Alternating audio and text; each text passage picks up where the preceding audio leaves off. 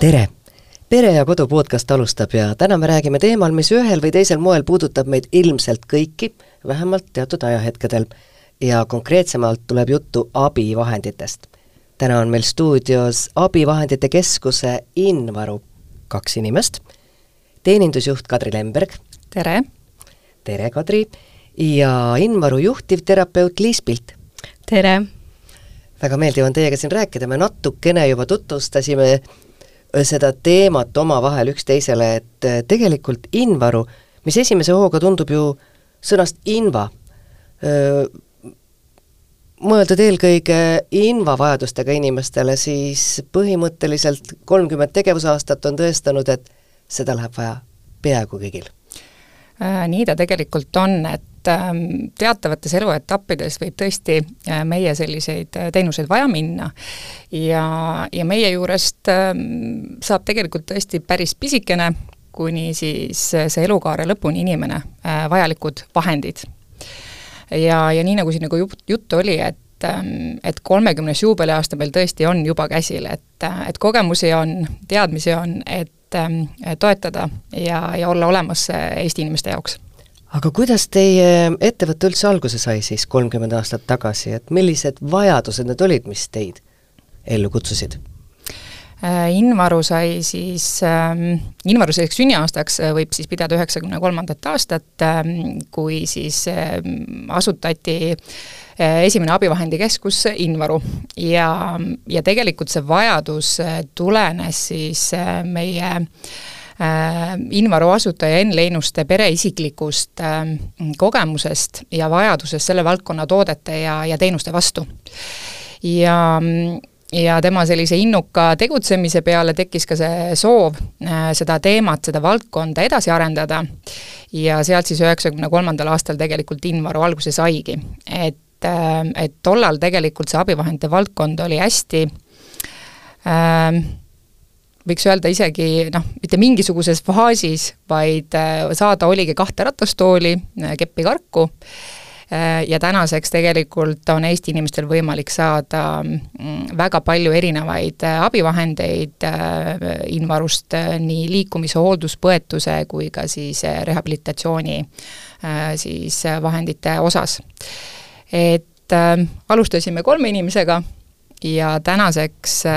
oleme jõudnud siis ähm, äh, töötajate arvuga seitsmekümne kaheksa inimeseni, nii et äh, on spetsialiste, on inimesi millega siis Eesti inimestele abiks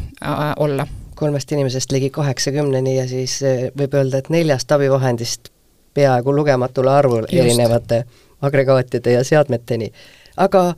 Liis, kuidas teile tundub, mida kliendid teie juures kõige kõrgemalt hindavad, kas see on kvaliteetne toode või, või suhtlus või, või hoopis äh, terapeudiline lähenemine või teraapiline?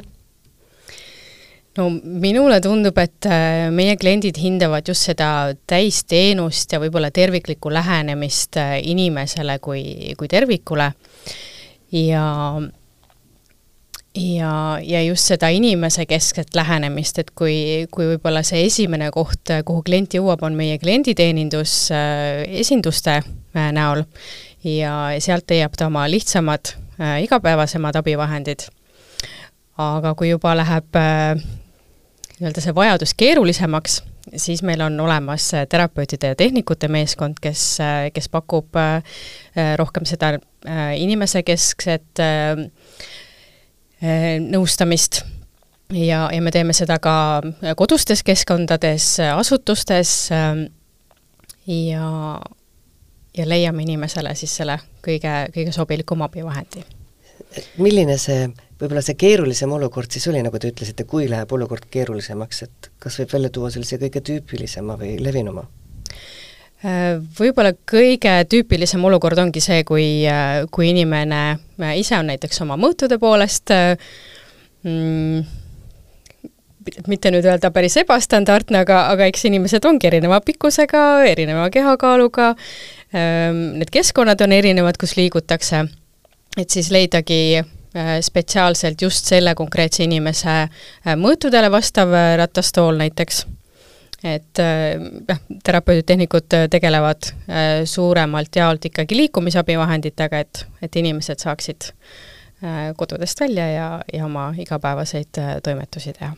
no need on liikumispuudega inimesed, kellel, kellel on see eluks vajalik, teie abi, kes ei saagi teistmoodi kodust välja või oma vajalikke asju aetud. just. aga ma kujutan ette, et inimesed tihtipeale ei tea, et on olemas abivahendeid, mis võib-olla nii keerulises olukorras äh, vajalikud ei ole, aga, aga tavaelus inimesele, kes ise liigub, aga kellel on ka mingisugused vaevused, et on ilmselt selliseid abivahendeid, mille olemasolust erinevate hädade käes kannatavad inimesed üldse äh, kursis ei ole Äh, kindlasti on, sest see abivahendite maailm on hästi kirju. et täna on sisuliselt igale mm, inimese sellisele vajadusele, murele, mm, vajakajäämisele, võib-olla sellises igapäeva hakkamasaamises äh, sisuliselt selline abivahend või, või võimalus äh, olemas. et ähm, siin on nagu oluline võib-olla meeles pidada inimesele endale, et äh, et äh, ole hea, räägi julgelt räägi spetsialistiga, on see siis sinu arst, on see terapeut võib-olla, kellega ravil kokku puututakse, et räägi julgelt, mis on sul mureks, sa ei peagi teadma, inimesed ei pea ise olema spetsialistid, et kõigest ei saa kõike teada. aga räägi, mis on mureks ja sealt juba siis kas siis arst, kes täna tegelikult arstid ju kirjutavadki äh, need abivahendi vajaduse välja äh, ja, ja annavad ka siis sellekohase tõendi, et äh, millega siis abivahendi ettevõttesse tulla ja seda abivahendit juba siis ähm, juba konkreetselt seal siis osta või üürida, et et lihtsalt tuleb julgelt rääkida. et täna muidugi võib-olla see protsess käib natukene teistpidi, et pigem tullakse võib-olla ennem abivahendikeskusesse ja, ja saadakse sealt rohkem seda teavet abivahendi kohta, kuna tõesti ka arstide selline igapäevane töö ja kohustused hõlmavad nii palju erinevaid asju, et nad ei suuda paratamatult teada ka abivahenditest. Alati kõike, kõiki neid erinevaid detaile, et siis on ka niipidi, et, et klient jõuab enne meieni, meie räägime, küsime, tunneme huvi, mis on inimesele oluline, mis mitte igapäevastes tegevustes, millega vajab toetamist, ja sealt me jõuame juba tegelikult väga erinevate abivahenditeni, et et mida tõesti võib-olla ette ei oska isegi kujutada, et seda võiks vaja minna siin praegu jõuame neid ette lugeda nii või teisiti, et see on selline vajaduspõhine inimene lähtuvalt oma murest, probleemist just, just, leiab just, abi. just, et noh, näiteks kas või spordi tegemiseks on ju kõik igavõimalikud abivahendid olemas, et kui inimesel on võib-olla selline funktsionaalsus seal piiratud, et saab käia mäesuusatamisel, kõikidel sellistel asjadel, et noh, täna nad on küll võib-olla ütleme, et Eesti mõistes natukene eksklusiivsed abivahendid, et et seal sellist riiklikku rahastust ei ole, aga kui keegi tahab, on soovi, siis maailmas on nagu võimalusi ja variante äh, olemas. levinumate puhul on siiski riiklik rahastus, see on ka oluline. levinumate puhul millest... on siiski riiklik rahastus, et jah, et mis nagu ikkagi on igapäevaselt vajalikud inimesele, et, et seal aitab äh, ikkagi ka äh, riik. et tihti arvataksegi ju, et invavahendid on väga kallid ja nii kallid, et neid ei ole võimalik osta ja igakuine üür on samuti kallis. Kuidas teil sellega lood on, et kui koduleht avada, siis äh, võib näha väga kõrgeid hindu, aga samas leiab ka selgituse selle kohta, et põhimõtteliselt võib üsna taskukohase hinna eest mõne vajaliku abivahendi endale üürida. Et jah, täishinnas võivad need abivahendid tunduda tõesti kallid, et äh, teinekord võib-olla ratastool maksab täpselt sama palju kui, äh, kui mõne inimese auto, aga, aga kogu seda abivahendite Äh, riigipoolse soodustuse süsteemi äh, reguleerib äh, sotsiaalkaitseministri määrus, kus on siis täpsemalt ära toodud, millistel tingimustel ja, ja kes siis milliseid abivahendeid millise soodustuse määraga osta või siis üürida saaks. no ega inimene seda määrust tihtipeale kahjuks ei tea, et tema tuleb, et temal on probleeme liikumisega, et ta saab ju teie juurest ka otsest sellist infot, et jah, näete, selle eest te peate maksma nii ja nii palju just, et selle jaoks me olemas olemegi, et äh, selgitada, kuidas inimene seda abivahendit äh, soodsamalt osta või üürida saaks ja, ja pakume siis seal kõrval seda tuge, et kuidas kuidas ja mida ta täpselt tegema peab, et äh, esmapilgul see võib-olla tundubki üsna keeruline, aga, aga kuna me oleme ise selles süsteemis igapäevaselt sees, et siis äh,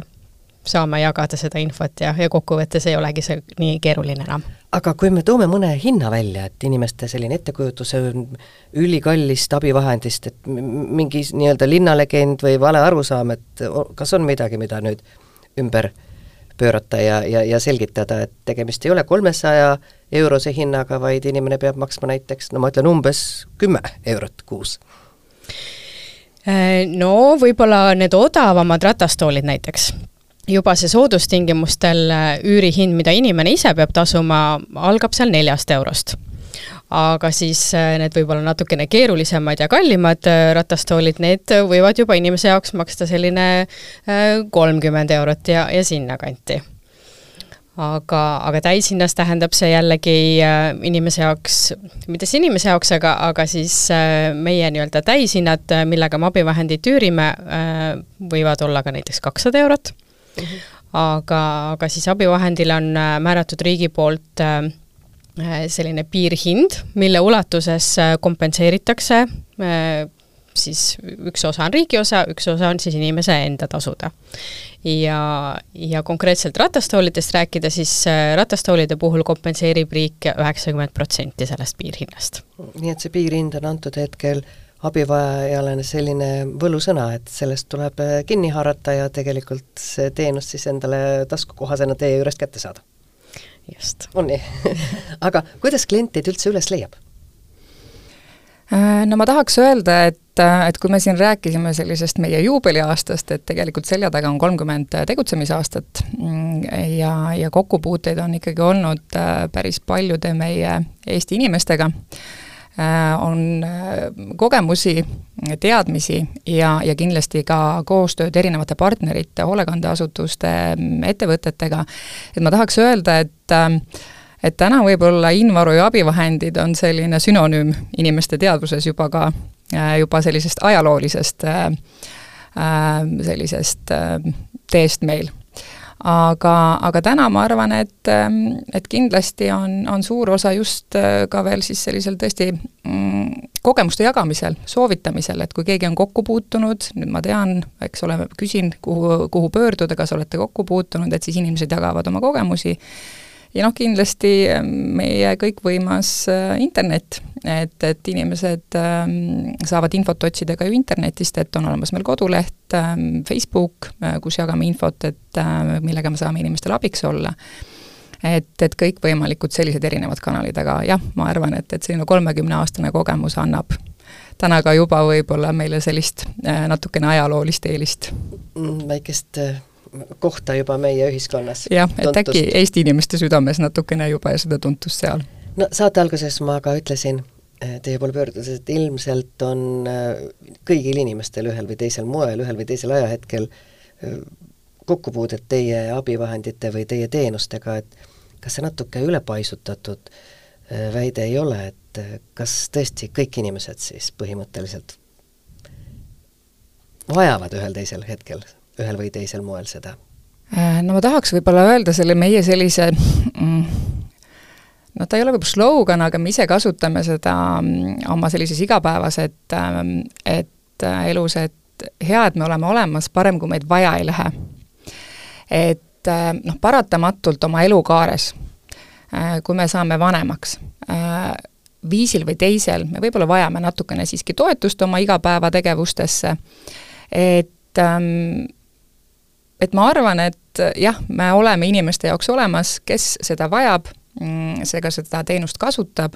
Ja tegelikult, ähm, et võib-olla mida on natukene vähem teada, on ka see, et äh, Invaru pakub ka päris pisikestele Ähm, beebidele võimalust ähm,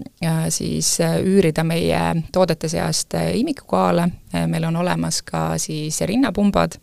üüriteenusel, et tegelikult selleks ei pea inimene olema haige või, või, või mingisugust sellist lisatuge vaja, vajama, vaid et on, on võimalik ka selliseid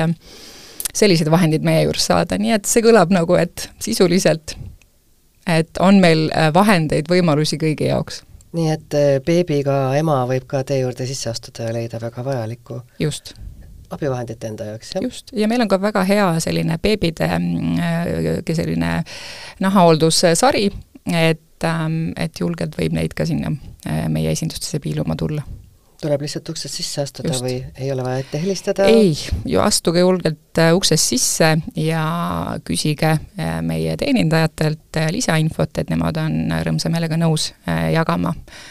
kõigile küsimustele vastuseid ja julgelt ka küsivad ise juurde teinekord, et, et toetada. kuidas laste vahenditega lood on, need riiklikud toetused või hinnad või üürid, ostmised, kuidas neid, kas pigem üüritakse või noh, rinnapumpa vist ikka ostetakse? Noh, samas rinnapumpa läheb sul vaja võib-olla lühiajaliselt, et mis sa siis pärast temaga teed, et jääb sulle kapinurka seisma, et, et siis äh, saab, saab keegi teine seda äh, vahendit edasi kasutada. samamoodi üüritakse? enamasti? jah. ja, ja kui nüüd rääkida laste abivahenditest, siis äh, laste abivahenditega ongi just see nüanss, et kuna lapsed kasvavad ju kiiresti ja need abivahendid võivad jääda väikseks, siis ka, ka nende puhul on pigem eelistatud äh, üürimise teenus, et lapse kasvades saab lihtsalt äh, vahendada abivahend, vahetada abivahendi välja, kas siis suurema mudeli vastu või siis on toimunud muutused äh, tema arengus ja, ja vajab ta mingil eluetapil tuge võib-olla seismiseks, istumiseks, kõndimiseks, et vastavalt siis millist tuge ta parajasti oma arenguetapis vajab, et siis, siis leida see sobilik abivahend ja jutt käib äh, lapsest, kellel ei ole mingisuguseid äh, erilisi vajadusi, lihtsalt äh, tava, tavalise arenguga tubli laps, kellel on vaja võib-olla üht või teist tuge, nagu ikka arengus, jah ehm.? või on teil ikkagi sellised, kellel on liikumisraskused peamiselt? lapsekesed? pigem võib-olla jah, suurema osakaalu moodustavad need, kellel, kellel on juba kas tekkinud mõni puue või, või erivajadus kui palju selliseid väikseid kliente teil on, noh umbes millises määras? ma arvan, et seda on meil üsna raske välja tuua, et mis see statistika päriselt jah, et, et, et enamus meie klientuurist siiski pigem on äh, eakad inimesed, täisealised ja, ja sellised pisikesed tiburullid äh, on, on pigem sellises väiksemas osakaalus meie, meie klientide seast. et kui ema tuleb nahahooldusvahendit äh, ostma, siis ta päris otseselt teie kliendiks oma last ei registreerigi, et see on jah, et see selline nahahooldus, et ütleme, et terve või sellisele tervele lapsele, kui on nüüd need ähm, kaalud või, või nahahooldusvajadused, siis, siis seal ei olegi vaja, et seal seda riiklikku soodustust ka ei ole. et, et pigem just nüüd, nagu Liis rääkis, et, et kui on meil pisemad kliendid, kes, kes vajavadki seal siis selliseid ähm, eriistmeid, kärusid või sellised natukene toetavamad abivahendid, et neil tihtipeale siiski on ka ikkagi selline kas eriarstitõend või, või, või siis ka juba puue määratud, et nad neid saaksid, neid abivahendeid riikliku soodustusega ja nemad juba vajavad natukene võib-olla rohkem tuge, et siis saada suureks ja tubliks ja tihtipeale algab teekond teie juurde ikkagi arsti juurest, kes annab siis suunamise või, või soovituse just väikeste laste puhul, sest äh, on ju vaja ka soodustõendit või midagi? Äh, noh, tegelikult jah, see protsess, et Liis natukene siin rääkis, et meie valdkonda siis äh, reguleerib siis ähm, sotsiaalhoolekande seadus ja sotsiaalkaitseministri määrus,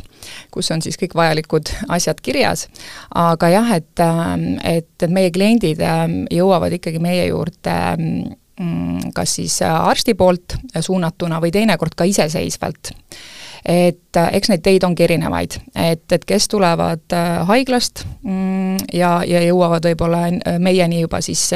sellise eriarstitõendi alusel, kes, kes on perearsti poolt suunatud, et jah, et, ähm, et seal on oluline nüüd nagu tuua välja, et, et abivahendeid soodustingimustel saavad siis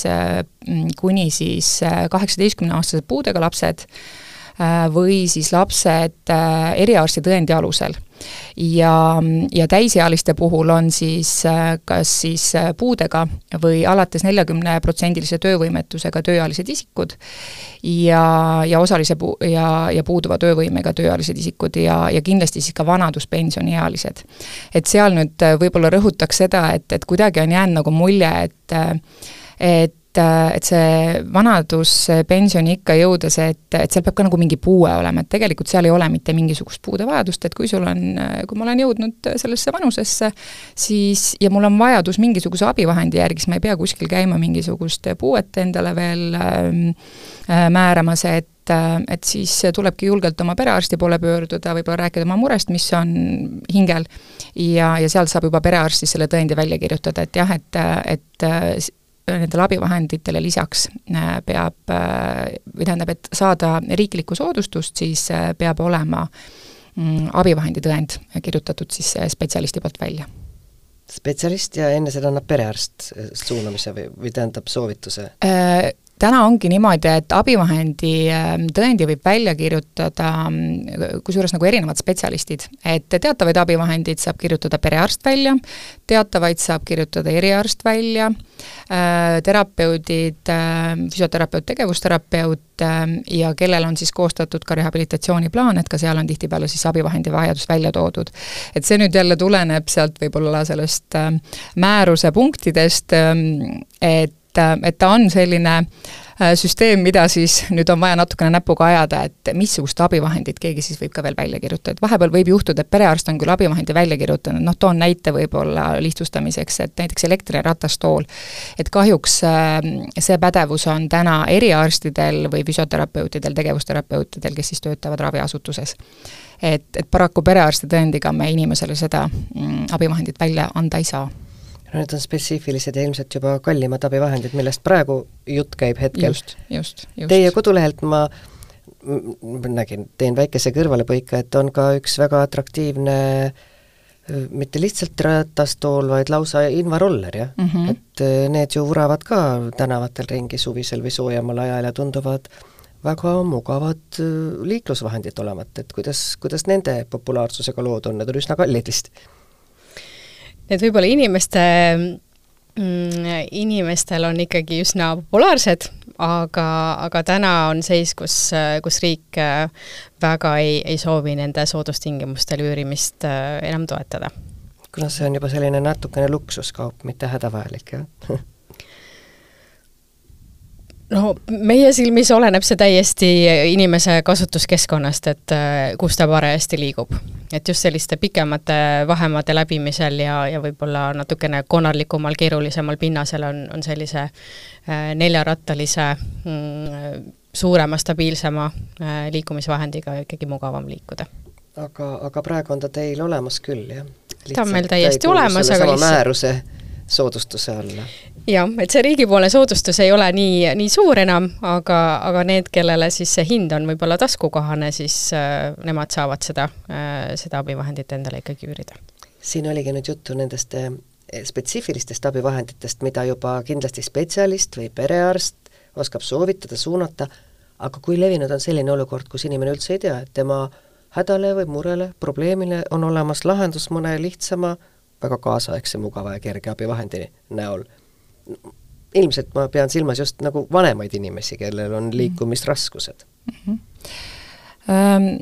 noh, nii nagu me siin ennemgi rääkisime, et noh, et ega kõigest ei peagi ise teadma. et, et noh, võib-olla pigem on täna see, et et inimesed tihtipeale natuke nagu häbenevad või ei julge ikkagi rääkida, on ju, et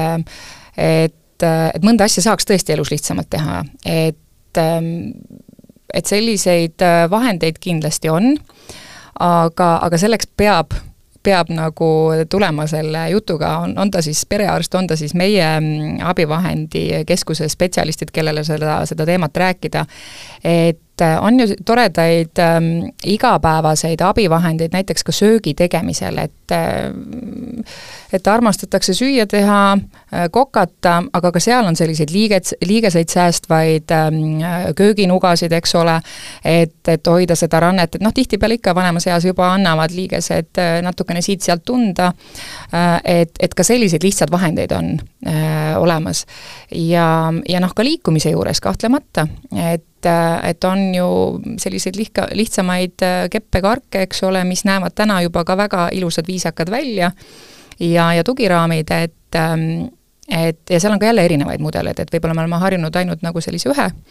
ühe mudeliga kellegi sellisesse mälusse võib-olla vanast ajast on jäänud, on ju, et, et noh, lihtsalt tulla ja julgelt ka tegelikult uudistada ja küsida ja need lähevad nüüd küll selle soodustuse alla, jah? jaa, et ähm, äh, et ütleme, need olmevahendid, võib-olla sellised söögi tegemise vahendid, et osad on lihtsalt võib-olla oma hinnaklassilt natukene nagu siis ka soodsamas Äh, pooles, et, et, et sinna ei rakendu seda riiklikku soodustust enam selliselt, aga, aga jaa, kõik liikumisabivahendid äh, on, on riikliku soodustusega, et sinna muidugi paratamatult on nüüd ka vaja ikkagi seda perearsti tõendit, et kui me räägime keppidest, karkudest ja tugiraamist. See on nüüd jälle seotud olukorraga, kus inimesel on mõni kas vanusega tekkinud häda, probleem, aga täiesti ootamatult võib ju elujõuline täiskasvanu või ka laps murda oma käe, jala välja väänata, et ka siin selliste esmaabivahendite vallas on, on vist esimene koht, kuhu pöörduda just nimelt teie keskus. Jah, et kui inimene näiteks on murdnud ära oma jalaluu, siis, siis on kepid, kepid ja kargud need, mis pakuvad sellel taastumise perioodil tuge. Ja, ja vanemaealised teinekord võtavad isegi kasutusele ratastooli, et et siis kergemini liikuda ja vältida just seda äh, uuesti kukkumist, et, et eks see kipsis jalaga liikumine on, on ju üsna keeruline. Ja samamoodi lastega, et noh, kust need lapsed siis neid karke ikka saavad, kui ta oma jalakese ära murrab et jah, et need pisikesed tiburullid meil tihtipeale ongi, et meil on sellised pisikesed ratastoolid ka, kus on siis äh, mõnusasti mugavalt võimalik siis see jalatugi niimoodi ette äh, pikalt äh, tõsta, et seda rasket kipsi seal siis toetada, et eriti kui on tõesti selline suurem, suurem juba trauma seal olnud, et et on meil meie sellistele väikestele, väikestele lastele ka võimalik leida need lahendused või on siis ka need kärud, et et võib-olla sellises vanuses laps enam ei ole, et, et tavapärane see käru oleks sellest sellest äh, tideajast alles jäänud, et aga, aga võib-olla ütleme, et suvisel ajal eriti, noh tavaliselt juhtuvad need õnnetused ju sellised luumurud ikkagi sel-, lastega suvel, kus on toredad batuudihüppamised, peod, et siis, ja tahaks nagu suvel ikkagi ju ringi liikuda, ei tahaks ju seal kodus olla, et, et siis saab ka meie käest selliseid kärusid, äh, ratastoole, et, et saaks ikkagi need toredad asjad tehtud, äh, noh, lihtsalt natukene raskema jalaga ja abiliikumisel lihtsalt. ja abiliikumisel mm. -hmm me oleme nüüd rääkinud lastest ja jälle eakatest, hüpanud alt üles, aga kui eakas vajab äh, abi, siis tihtipeale see puudutab ju ka tema lapsi, täiskasvanuid, nii et igaühel on ühel või teisel ajahetkel võib juhtuda, et on vaja teie teeninduskeskusest sisse astuda, aga millised on need peamised abivahendid, mis on vajalikud just äh, vanematele inimestele, keda nüüd hooldatakse, et ega see hooldatav ise ju enam teie keskusesse ei tule jah mm,, paratamatult äh, nüüd sellisele lähedasele, ütleme lastele tihtipeale jääb jah, seal see selline asjaajamise roll, seda infot hankida, et teinekord võib-olla, kui eakad isegi ongi natukene võib-olla rohkem uurinud, puurinud, midagi kuulnud ka oma, oma sõbrannade, sõprade käest, siis jah, ühel hetkel, kui nüüd juhtub äh, perekonnas selline lugu, et, et äh, see eakas inimene vajab rohkemat abi, on, on saanud siis võib-olla ka mingisuguse tervisehäda äh, külge ja, ja, ja on vajalik juba siis teda hooldada, et siis selline põhiline, peamine abivahend, äh, ma arvan, selles valdkonnas ongi siis ka voodid, et kui inimene on jäänud võib-olla ikkagi mm, äh, juba rohkem nagu ka liikumatuks, et, et et äh, selles valdkonnas on voodid ja, ja voodite puhul äh, võikski välja tuua, et seda tasuks ka kaaluda juba selles äh, mõttes, et inimesel in-, endal, ehk siis abivajajal on seal mugavam, et ta saab asendit muuta iseseisvalt, et ta ei ole nii kõrvalabist siis sõltuv ja, ja ka hooldajale, ehk siis perele endale. et tegelikult see on abivahend nagu mõlemale osapoolele. et saab nagu neid hooldustoimingud teostada mugavalt, mitte niimoodi, et selg on küürus ja lõpuks lihtsalt ka enda tervis saab kannatada selle all. Aga milliseid kohandusi üldse saaks teie abiga koduses keskkonnas teha, no voodi on nüüd üks. Mm, -hmm. et kui on, kui on tekkinud selline olukord, kus äh, vanem inimene vajab abi ja hooldamist? no ütleme, et noh, lisaks voodile, et see voodi ongi klassika, et seda nagu oskavad kõik küsida, et äh, mul on nüüd vaja, et äh, et siin nüüd lähedane tuleb koju, aga tegelikult noh, ütleme, et kui nüüd rääkida abivahenditega keskkonna kohandamisse, siis tasub alati mõelda ja ka meie inimesed alati küsivad nüüd lähedaste käest, et kui tullakse voodi järgi, et kuidas siis äh, toimuvad edasi nagu sellised tualetitoimingud, kuidas äh, inimest pestakse, et, et on olemas ju erinevaid potitoole, dušitoole, äh, et et kui inimene päris iseseisvalt ei ole võimeline püsti seisma ega, ega liikuma. ja, ja kindlasti ähm, et ei tasu ähm, unustada ka seda lähedast ikkagi, kes, kes neid hooldustoiminguid teostab. et on sellised abivahendid äh, olemas nagu lingtõstukid, eriti just sellise voodikeskse inimese jaoks, äh, et muidu ma füüsiliselt tõstan teda ise, eks ole, ja tihtipeale ollaksegi üksinda. et on siis kas ka võib-olla eakas äh, abikaasa, kes hooldab siis äh, oma, oma voodihaiget lähedast, et ähm, et säästa ka tema tervist, et lingtõstuk on selle jaoks, et aidata inimest siis voodikeskkonnas siis üles tõsta